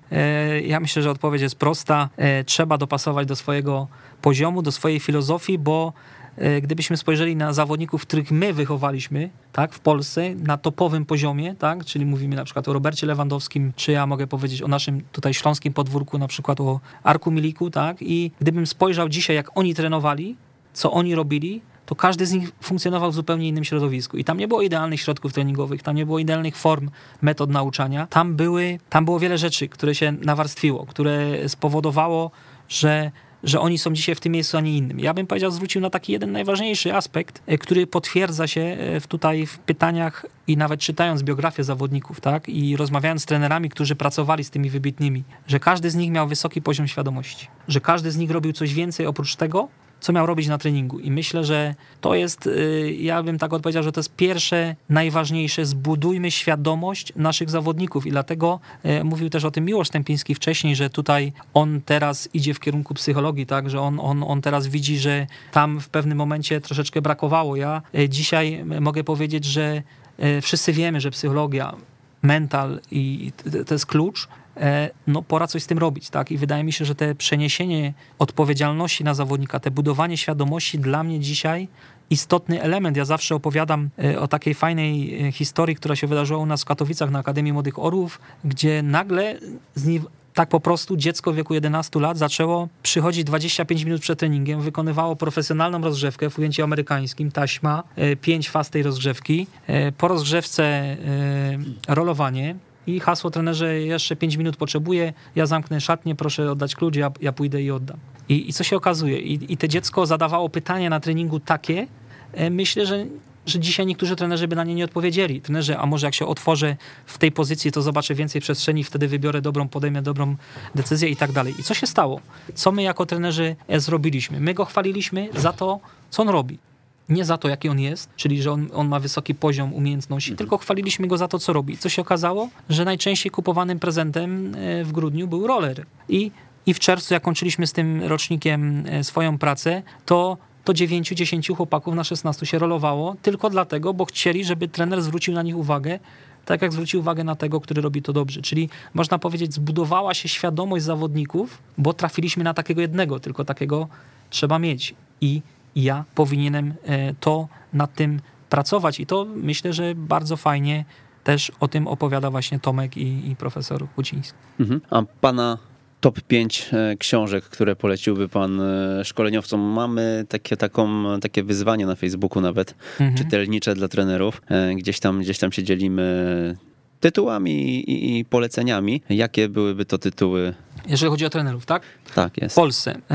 Narodowy model gry oddechy do dechy i zakończmy na tym top 5. Panie trenerze, chciałbym, żebyśmy zaczęli jeszcze raz podkreślę od tego, od tej matki, od tego, co jest nasze, bo my dzisiaj się nim chwalimy, bo my dzisiaj o nim tyle mówimy, ale my go nie znamy. I możemy mówić tutaj o, o ciekawych pozycjach, inspirujących. Ja na przykład bardzo dużo y, ciekawych rzeczy z takiej książki Siła nawyku, tak? o której też gdzieś tam opowiadam na kursach, y, gdzie autor pokazuje, jak społeczności, jak grupy ludzi, y, jak budują się nawyki, w jaki sposób ten nawyk można zmienić i tak dalej. Tak? No to są wszystko fajne rzeczy, ale to jest te 2%. Tak? To jest te 2%. Ja bym chciał, żebyśmy zaczęli mówić Fundament, tak? Tak, o tym, o tym fundamencie, żebyśmy wszyscy dzisiaj mówili jednym językiem piłkarskim, żeby dziecko, y, w której y, które na treningu dostanie od trenera informację, słuchaj, otwieramy grę w strefie niskiej, tak, staramy się przejść do strefy średniej w sektorze w takim i takim, e, żeby dziecko to rozumiało, tak? Bo jeżeli ja będę mówił po chińsku, no to mnie nikt nie, nie będzie rozumiał, tak? Także ja muszę mówić po polsku, mówmy wszyscy, zacznijmy od tego narodowego modelu gry, skoro to jest takie nasze polskie, skoro mamy suplementy, oczywiście no, chciałbym też powiedzieć o naszej książce, tak, nowoczesne nauczanie, być może źle to zostanie odebrane, ale wydaje mi się, że też tam wiele rzeczy uporządkowaliśmy. Jako ciekawostkę powiem, że na krótko przed wydrukiem e, pojawił się narodowy model gry, tak, i mhm. praktycznie całą książkę zmieniliśmy pod kątem nazewnictwa, żeby e, dopasować te treści e, i jest to kompatybilne, tak, tak naprawdę też to podkreślamy we wstępie, że, że bardzo nam to też pomogło w tym, żeby to wszystko ujednolicić. I ja bym zaczął tak może kontrowersyjnie, ale nie mówił tutaj o nie wiadomo jakich tytułach, a zaczął od tego naszego, polskiego, e, bo Chorwaci mają na przykład swoją książkę pod tytułem Razwojni Program, czyli program tam, Narodowy Program Rozwoju Zawodników. Tak, ja też bardzo e, inspirowałem się tą książką, też ją tłumaczyliśmy, ona już jest w wersji polskiej. Autor zresztą nam dobrze znany, Romeo Jozak, Iwan Kiepcija, czyli ludzie, którzy pracowali w Legii Warszawa, ale panie redaktorze, oni to zrobili po swojemu, tam jest ich DNA, tam są ich pewne rzeczy i dzisiaj każdy trener Chorwacji zna to oddechy do dechy. Ja bym chciał, żeby w Polsce też tak było, a proszę mi wierzyć, że narodowych modelów gry wydrukował, wydrukał, wydrukował Polski Związek Piłki Nożnej więcej niż jest trenerów. Mm, dobry temat y, z tym DNA. Też teraz mi przyszło do głowy, że chyba musimy poruszyć. Jakie jest Pana spojrzenie? Czy ta nasza kultura, mm, miejsce na mapie e, również powinno mieć wpływ na to, jak trenujemy i jaki styl na boisku, mm, styl gry będziemy prezentować? E, ja myślę tak, że y, Dzisiaj żyjemy w czasach takich, że y, napływa dla nas wiele informacji i dzisiaj jakbym miał powiedzieć, w którym kierunku idzie nasze DNA, no to w kierunku piłki tej hiszpańskiej, portugalskiej, portugalskiej no bo tam najwięcej trenerów jeździ na staże, tam się przenosi ta wiedza i staramy się to robić w Polsce, tak? Ale ja, ja tutaj nie jestem y, orędownikiem akurat tego stylu, bo on jest y, trudny.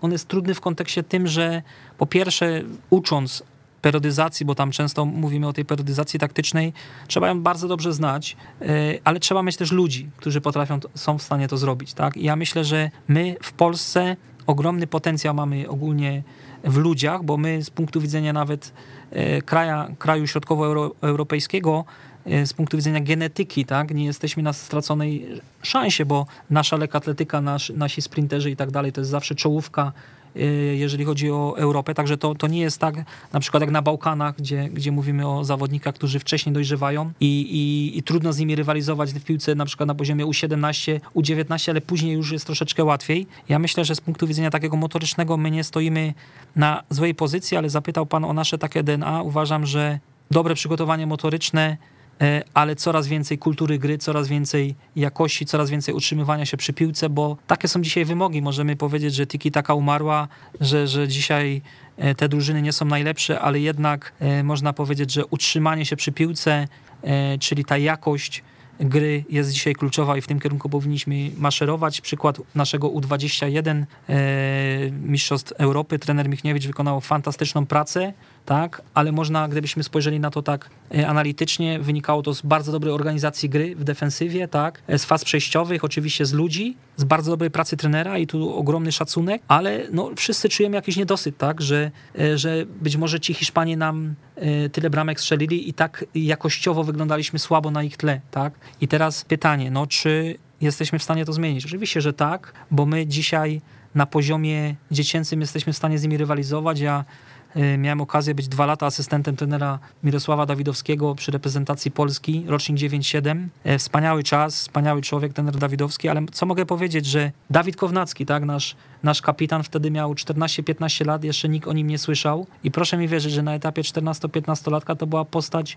y, wybitna w skali europejskiej. Wszyscy go chcieli, wszyscy o nim mówili. Można powiedzieć, że w pierwszym meczu międzypaństwowym na poziomie U14 strzelił trzy bramki, wygrał sam mecz i, I my naprawdę wyglądaliśmy bardzo dobrze na tle, bo wygraliśmy i z Niemcami, wygraliśmy z Chorwatami, e, wygrywaliśmy z krajami e, tutaj z Wysp Brytyjskich. I ja myślę, że problem jest cały czas taki, co dalej. Czyli etap juniora młodszego, etap trampkarza, i tu potrzebujemy dużo pracy, dużo takiej motywacji jeszcze do tego, żeby tu wiele rzeczy zmienić, bo uważam, że powinniśmy powoli zamykać etap piłki amatorskiej, etap tego, co robimy do 11-12 roku życia, bo tam się już niewiele w stanie jest zmienić. Tak? Dzisiaj mamy książki, y, tutaj też pracowaliśmy nad pozycją e, przy certyfikacji, tak? Mówimy o programie Polskiego Związku Piłki Nożnej w oparciu o program AMO, tak? Myślę, że bardzo ciekawa pozycja, o której tutaj też będzie jeszcze okazja wspomnieć, myślę, na waszej antenie i przede wszystkim też jako, jako recenzja, recenzja tej pozycji, bo wydaje mi się, że tu powoli chcemy zamknąć ten etap tej piłki dziecięcej. Tak, o tym programie będziemy dyskutować. Już też, też za któryś tydzień e, pojawi się współautor, jeden ze współautorów e, właśnie programu. E, ale wracając do certyfikacji, jak pan ocenia w tej chwili, zaraz ruszamy, no będzie się działo.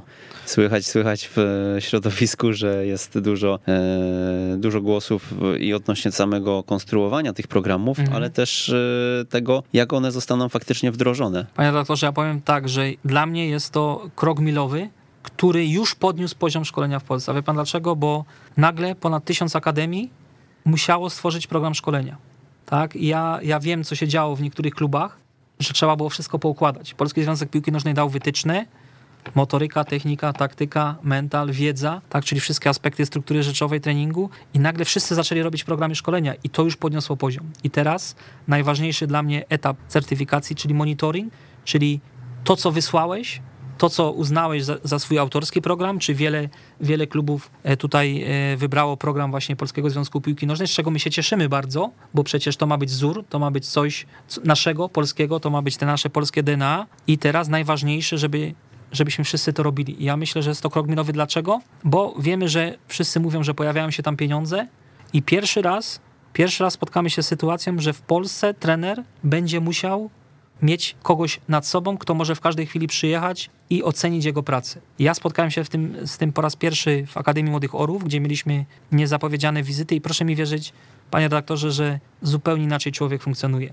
Musisz wydrukować konspekt, musisz być przygotowany, musisz wiedzieć, co tam robisz, musisz to robić zgodnie z planem tygodniowym, z planem miesięcznym i ten fakt, to jakie ty ćwiczenia dobierzesz, czyli środki treningowe, to jest najmniej ważne, ale ty realizujesz coś, co sobie zaplanowałeś, coś, co co chwilę jest trudniejsze, czyli wchodzisz na wyższy poziom. I ja uważam, e, i tutaj wiele, wielokrotnie już o tym dyskutujemy, że jest to program przełomowy, który jeżeli będzie dobrze przeprowadzony, bo to jest e, druga kwestia, że muszą być ludzie, którzy będą to dobrze weryfikować. Wiemy, że w Polskim Związku Piłki Nożnej w Departamencie Grassroots e, zatrudnione zostały osoby, które, które to nadzorują, które nad tym pracują, bo mówimy o nieprawdopodobnej skali. Tak? Nie mówimy już o kilkunastu akademiach młodych orłów, mówimy o kilkuset klubach, tak? najprawdopodobniej kilkuset klubach, które będą miały się szczycić tym, że są, że są na poziomie złotym, czy srebrnym, czy brązowym, a w, docelowo to ma być ogromny zaszczyt. Także ja jestem ogromnym fanem tego y, projektu. Szkoda, że tak późno powiem, bo wiele krajów już jest w innym miejscu, czyli ten poziom certyfikacji już dotknął te, te kluby też grające na wyższych y, poziomach, mówię w kontekście tutaj starszych kategorii wiekowych, ale wydaje mi się, że zaczynamy, oby za chwilę zrobiliśmy jeszcze krok dalej i dotknęliśmy jeszcze wyższej kategorii wiekowych. Tak, ten program szkolenia, cały system, struktura są konieczne, żeby sukcesy były też systemowe, nie incydentalne, jak mówi e, często Marek Śledź, dyrektor Akademii Rakowa Częstochowa. Mhm. E, no i jak ocenia pan te programy? Jeszcze zapytam tak kończąc wątek certyfikacji, bo wiem, że pan też je ocenia, prawda? E, nie mogę się wypowiadać na ten temat, mhm. także... Ściśle tajne. Ściśle tajne, poufne.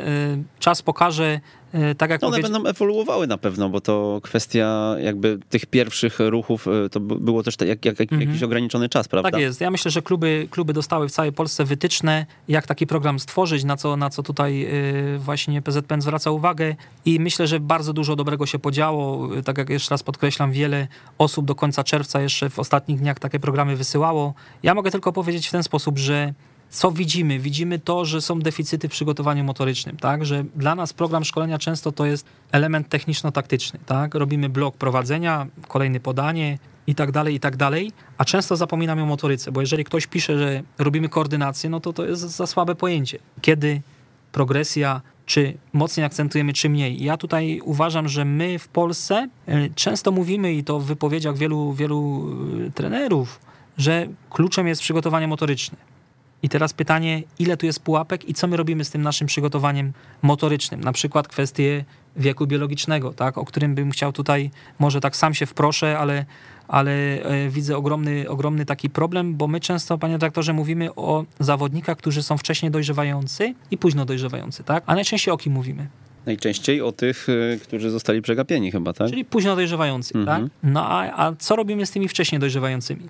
No oni mają, jeżeli się tym zajmujemy, to mają najgorzej. No i właśnie teraz y, sytuację ja bym chciał obrócić, tak? No, y, podam przykład. Y, największe dysproporcje we wzroście widać na etapie dojrzewania, czyli mówimy tutaj 13, 14, 15 lat. Y, wtedy są największe dysproporcje, tak? I kto, kto stanowi siłę takiej drużyny? Zawodnicy, którzy są mocni fizycznie. Reprezentanci Polski i innych krajów to też przede wszystkim dobra motoryka, tak? Bo tym wygrywasz mecze, nie oszukujmy się. I proszę zobaczyć, do jakiego dzisiaj paradoksu dochodzi. Jeżeli trener nie wie, na jakim poziomie biologicznym, rozwoju biologicznego jest jego zawodnik, e, no to wybiera zazwyczaj tego, który jest silny fizycznie. I co się dzieje? Ten silny fizycznie wygrywa motoryką.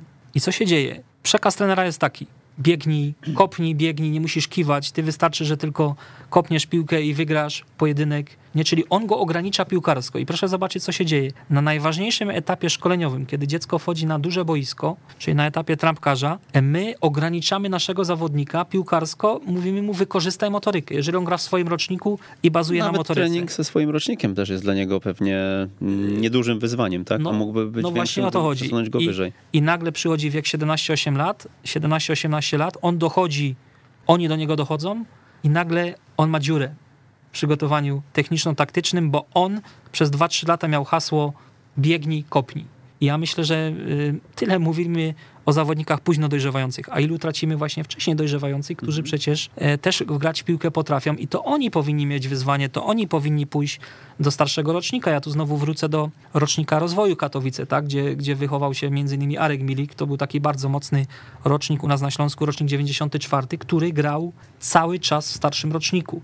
Tylko ro, można powiedzieć na rok zszedł do, do rocznika e, swojego i o mało by co nie zdobył mistrzostw Polski juniora młodszego, ale co się stało? Trener wyselekcjonował bardzo silną grupę ludzi, która nie mogła grać w swoim roczniku po prostu, bo była za mocna i grali cały czas ze starszymi, czyli cały czas mieli trudno. Cały czas mieli trudno i taki Arek Milik był e, wcześniej dojrzewający. On był zawsze wysoki, on był zawsze silny, on miał zawsze nieprawdopodobne uderzenie piłki, tak? E, Jego strzały, e, no tak mogę powiedzieć, 7, 8 na 10 rzutów wolnych to były bramki. Jak często z nimi graliśmy, to, to mówiliśmy, no nie, nie fauluj, bo jak Milik kopnie, to jest bramka. I rzeczywiście tak było. Ale proszę zobaczyć też, jaka umiejętność trenera, tak? który widząc potencjał swojego zespołu, grał w starszym roczniku. A my na Śląsku e, tych klubów dobrych e, mamy naprawdę dużo i te ligi nasze są silne. Może nie mamy wybitnych e, tutaj, ale naprawdę mamy silne ligi i myślę, że, że, że jest tutaj wiele fajnych takich tematów, o których możemy mówić w tym kontekście. Ja zaakcentować chciałem tylko ten temat. Zwróćmy uwagę na tych wcześniej dojrzewających, bo ich tracimy, bo ich ograniczamy poprzez to, że wygrywają motoryką wieku 13, 16, 17 lat. Przykład z życia bracia Mak, którzy trafili do nas do Chorzowa e, w wieku lat 16, właśnie 17, odrzuceni przez wiele klubów pseudonim Pchły.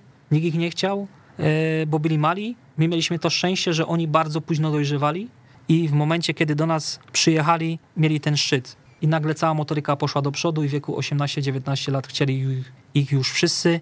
To jakby pokazuje, że warto ten wiek biologiczny ocenić. Można to zrobić za pomocą prostego arkusza, metodą pośrednią, wpisując wzrost, wagę tak, w pozycji sie- siedzącej i tak naprawdę robimy to na LAMO, na ZAMO, na innych akcjach tutaj szkoleniowych Polskiego Związku Piłki Nożnej. Jest to ogólnodostępne, to nie jest żadna tajemnica. My na przykład na konferencji dla trenerów w Śląskim Związku Piłki Nożnej, każdy trener po tej konferencji dostał taki arkusz. Pytanie, ilu z nas to robi? Czyli znowu wracamy do punktu wyjścia. Mamy, a co z tym robimy? Trenerze, zagadaliśmy się trochę i nie podaliśmy tutaj numeru, bo można do nas zadzwonić i e, zadać panu pytanie. Mamy jeszcze jakieś 10 minut, więc 22 219 50 31, jeśli ktoś nas słucha na żywo, e, może, może zadać Pawłowi Grycmanowi e, dziś e, pytanie. E, co było kluczowe w pańskiej przygodzie szkoleniowej? zawsze marzeniem y, trenera jest praca z reprezentacją. Tak? Ja myślę, że pierwszym takim dla mnie czymś, co pozwoliło mi zupełnie inaczej na coś spojrzeć, to jest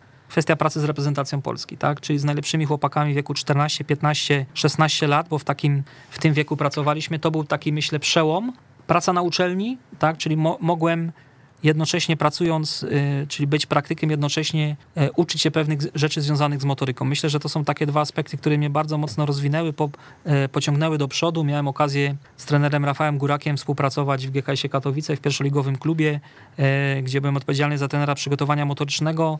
mogę powiedzieć tak, wiele błędów, ale też wiele nauki, która pokazała mi, jak funkcjonuje piłka seniorska, piłka profesjonalna, e, jak tam wygląda przygotowanie motoryczne i dla mnie to są takie kluczowe momenty, czyli reprezentacja Polski młodzieżowa, praca na uczelni i przede wszystkim też e, praca w klubie pierwszoligowym, bo to były takie momenty, które bardzo mocno mnie ukierunkowały i dzisiaj mogę powiedzieć, że e, wiem, w którym kierunku chcę iść, wiem, co mnie interesuje i myślę, że już na tym etapie jestem bardzo mocno ukierunkowany. Jak pan ocenia kursy trenerskie w Polsce? Mhm. Jest pan mocno odpowiedzialny za te w Śląskim Związku Piłki Nożnej, więc, więc pewnie trudno tutaj e, mhm. będzie negować. Natomiast e, z drugiej strony wiemy też, że w Katowicach e, renoma chyba jest najlepsza, jeśli chodzi o, o, o, cały kraj. Znaczy to, czy jest najlepsza, to już oczywiście nie mnie oceniać. Ja mogę powiedzieć tylko ze swojego stanowiska osoby, która w pewnym stopniu też nadzoruje te kursy u nas na Śląsku, że no postawiliśmy na jakość, tak? Postawiliśmy na jakość, a jakość to przede wszystkim edukatorzy, tak? Udało nam się zebrać bardzo fajną grupę trenerów, edukatorów, którzy, którzy cały czas się spotykają, którzy cały czas wymieniają ze sobą poglądy, tak, spotykamy się. Proszę sobie wyobrazić, że zrobiliśmy na przykład taką akcję, że zebraliśmy się wszyscy edukatorzy z nas ośmiu i pojechaliśmy niezapowiedzianie do klubów na zwykłe treningi, e, ubrani w dresach, tak, i nagle trener prowadzi, prowadzi tre, e, treningi. I ośmiu edukatorów przyjeżdża na trybuny, siada i coś notuje. No, konsternacja duża, nie? Trener nie wie o co chodzi, ale chodziło nam o to, żebyśmy wspólnym językiem mówili, żebyśmy wspólnie oceniali, także tego typu akcje robimy. I ja myślę, że mamy tutaj od naszych prezesów takie, takie przyzwolenie na to, że że możemy też sprowadzać ludzi z zewnątrz. Tak? Jesteśmy świadomi tego, że ten napływ ludzi z zewnątrz jest nam potrzebny. E, mamy wspaniałych trenerów, bo zawsze gościem honorowym na przykład jest trener Antoni Piechniczek, ale zapraszamy trenerów naszych tutaj reprezentacji młodzieżowych, czy Marcina Dorne, czy, czy Bartka Zalewskiego, którzy na pewno nam podnoszą e, ten poziom. Także mamy taką dowolność, że możemy szukać tych najlepszych. Pojawił się właśnie profesor Huciński wcześniej, tak, e, wielu trenerów z motoryki i wydaje mi się, że to jest nasza siła, że zaufano nam w tym, w tym kontekście, że pozwolono nam zrobić coś, co robią wszyscy, ale możemy tutaj e, pewne rzeczy jeszcze poprawiać i ja mogę powiedzieć, że u nas każdy kurs co roku staramy się robić lepiej, tak? Wyciągamy wnioski, szczególnie z tych kursów UFAA i naprawdę przede wszystkim selekcja też kursantów, tak? Bo dzisiaj kursy trenerskie w Polsce, trzeba sobie powiedzieć, że już pewna liczba trenerów już jest, bo do tej pory zawsze mówiliśmy, że mamy mało trenerów w Polsce. Dzisiaj, dzisiaj już mamy wielu trenerów w Polsce. Teraz trzeba troszeczkę te zapotrzebowanie w związku z tym, że już nie, ma, nie będzie za chwilę kursów wyrównawczych, jest oczywiście mniejsze. Teraz pora na to, żeby jeszcze podkręcić kwestię jakości. Ja chcę powiedzieć, że tutaj bardzo dużo się zrobiło w kontekście kursu Grassroots C, tak, który dzisiaj jest jednolity w całej Polsce i ja osobiście, jako osoba, która kiedyś tam zaczęła pracę na kursach, e, widziałem w tym ogromny problem, tak? Gdzie nie pojechałeś, to mówili inaczej, tak? Jeden mówił tak, inny tak. Dzisiaj mamy te same prezentacje, e, dzisiaj mówimy o tym samym, nazywamy wszystko tak samo. Za chwilę pojawi się taki podręcznik dla, dla kursanta, który będzie mógł sobie sam to wypełniać, e, na podstawie oczywiście prezentacji, te same pytania, te same testy. I dzisiaj jesteśmy w stanie ocenić ludzi tak samo. I myślę, że to jest krok milowy kończymy kurs UFAB, który będzie podobnie wyglądał i myślę, że idzie to naprawdę w bardzo dobrym kierunku, bo mamy też świadomość tego, że my świata nie zmienimy na kursie trenerskim. My trenera nie zmienimy. O, to jest 70 godzin, 160, 200, w zależności od rodzaju kursu i tak naprawdę my go mamy zainspirować. My go mamy, e, mamy mu dać tego bakcyla i mogę powiedzieć ciekawą rzecz, że kurs C dzisiaj, bo takiego chcemy troszeczkę e, poprawić te, te prezentacje w kontekście tych nowych publikacji, które tutaj wyszły, że Dzisiaj kurs C rozpocznie się od tego, że tak naprawdę chcemy pokazać to, o czym dzisiaj mówiliśmy. Ścieżkę profesjonalną, ścieżkę amatorską, nie wstydźmy się ścieżki amatorskiej, nie wstydźmy się rzeczy, o których kiedyś się tyle mówiło, tyle się robiło. Tak, chcemy to dzisiaj wyraźnie rozgraniczyć i pokazać. Wydaje mi się, że kiedyś tego brakowało. Dzisiaj na samym początku chcemy to bardzo mocno zaakcentować. Także ja jestem zbudowany tym, że się dużo dobrego dzieje, mamy edukatorów, których kiedyś nie było. Tak, jest określona grupa ludzi w Polsce, w każdym województwie. Oczywiście każdy ma szansę takim edukatorem zostać, wystarczy skończyć kurs UFAA, wystarczy być ambitny, wystarczy podchodzić do tego bardzo poważnie, a być może ktoś, ktoś się zauważy, ktoś się da szansę, żeby poprowadzić jakieś zajęcia. Często zaczyna się od warsztatów, kończy się na konferencjach i potem pojawia się propozycja bycia edukatorem, a przecież jeżeli będą dobrzy edukatorzy, to będą dobrzy trenerzy, a jak będą dobrzy trenerzy, to będzie dobre szkolenie. Mhm. A te ujednolicone mm, prezentacje na kursach UEFA BA, e, kiedy się pojawią? Bo ja, ja już rozmawiałem z e, dyrektorem Pasieką, z Leszkiem mhm. Milewskim, byliśmy w szkole tak. trenerów chyba w październiku i mówił, że są takie plany, to się tworzy, tak jest. Ale, ale jeszcze bez kurs, konkretów. Kurs Grassroots jest, tak jak już powiedziałem, skończony. Jeżeli mhm. chodzi o prezentację, te, w tym na, jesteśmy teraz na etapie akceptacji kursu UEFA B, programu, Aha. który bardzo ważny będzie kompatybilny z UEFA C, tak? Czyli mhm. tam się skupiliśmy do kategorii młodzik, Teraz idziemy od młodzika wyżej, bo to też, panie redaktorze, bardzo istotna sprawa, że nie chcemy wracać do pewnych rzeczy, tak? Bo kiedyś, y, mam wrażenie, było tak, też parę kursów y, y, kończyłem, że no pojawiały się podobne informacje, nie? I człowiek jak widział prelegenta, czasami to... te same prezentacje, nie? Dokładnie, te same prezentacje. I dzisiaj chcemy właśnie tego uniknąć i ktoś, kto przychodzi na UFB, to już dostaje informacje z piłki 11-osobowej, dostaje potężną dawkę wiedzy z motoryki, z treningu mentalnego i myślę, że to jest naprawdę coś fajnego i myślę, że za rok będziemy mogli w stanie powiedzieć, że jesteśmy w stanie, czy nawet może troszeczkę wcześniej, być na tym samym poziomie co kurs Grassroots C, a proszę mi wierzyć, w skali Europy będzie to już naprawdę, nie wiem, czy ktoś będzie miał tak opracowany ten model w Europie. Nie chcę tutaj tak może mocno mówić, ale proszę mi wierzyć, że te ponad tysiąc slajdów, które jest na poziomie C i kolejne dwa tysiące, które docelowo ma być na poziomie B, robi już ogromną wartość merytoryczną i przede wszystkim wszyscy idziemy tą samą ścieżką. Tak? Zdecydujemy się na coś, mamy nad sobą komisję techniczną, w której jest wielu znakomitych tutaj znawców, e, teoretyków i praktyków i myślę, że tutaj jeżeli coś wyjdzie, to naprawdę będzie to na wysokim poziomie. A jeśli nam się wszystko uda według tego, co planowaliśmy, to ja od września właśnie w Katowicach będę, będę chciał e, przejść ten kurs UEFA. Panie redaktorze, jest egzamin wstępny jeszcze, tak? Jasne. Jest egzamin wstępny, który trzeba przejść, także no nie, mo nie mogę powiedzieć, że zapraszamy, ale zapraszamy na egzamin. Spróbujemy, tak. spróbujemy swoich sił. To na koniec jeszcze, mm, co według pana jest najważniejsze w szkoleniu piłkarskim. Z jaką radą dla trenerów e, zostawiłby pan naszych słuchaczy? Trudne pytanie, e, mało czasu. E, ja powiem w ten sposób, dla mnie... już weszliśmy w ten ostatni etap, jest, jest tak, presja. Tak, jest presja czasu i przeciwnika, z całą sympatią mówiąc po piłkarskiemu. Ja bym powiedział tak, dla mnie kluczowa jest progresja. To, żebyśmy byli w stanie, umieli wchodzić na coraz wyższy poziom, żeby nasz zawodnik, wchodząc na trening, dostawał zawsze trudniejsze zadanie, e, miał czas, żeby te zadanie powtórzyć, tak, żeby za chwilę znowu wyjść na wyższy poziom. I proszę mi wierzyć, panie redaktorze, to jest bardzo trudne, tak, żebyśmy wchodzili na coraz wyższy poziom, bo jeżeli nie mamy akademii, która ma wszystko poukładane i trener przekazując rocznik daje informację kolejnemu, tak, no to jest to naprawdę trudne, bo może się okazać, że trener w starszym roczniku jest słabszy od trenera, którego był, który był rok wcześniej, tak? Jeżeli nie masz pewnych rzeczy poukładanych. Dlatego wydaje mi się, że dla nas ważne jest to, żebyśmy pewne rzeczy sobie poukładali, ale przede wszystkim e, umieli wchodzić na coraz to wyższy poziom i żebyśmy mieli więcej specjalistów od danego poziomu. Ja tak na koniec tutaj naszego trenera edukatora Janusza Kowalskiego z Gwarka Zabrze, który ponad chyba już 20 lat grubo prowadzi tylko ten zasadniczo rocznik juniora starszego. Oczywiście jest też w innych kategoriach wiekowych, ale można powiedzieć, że on od kilkudziesięciu lat prowadzi juniora starszego. I on już wie, co to są za ludzie, jakie mają problemy, jakie mają wyniki badań, czy są słabsi, czy są lepsi.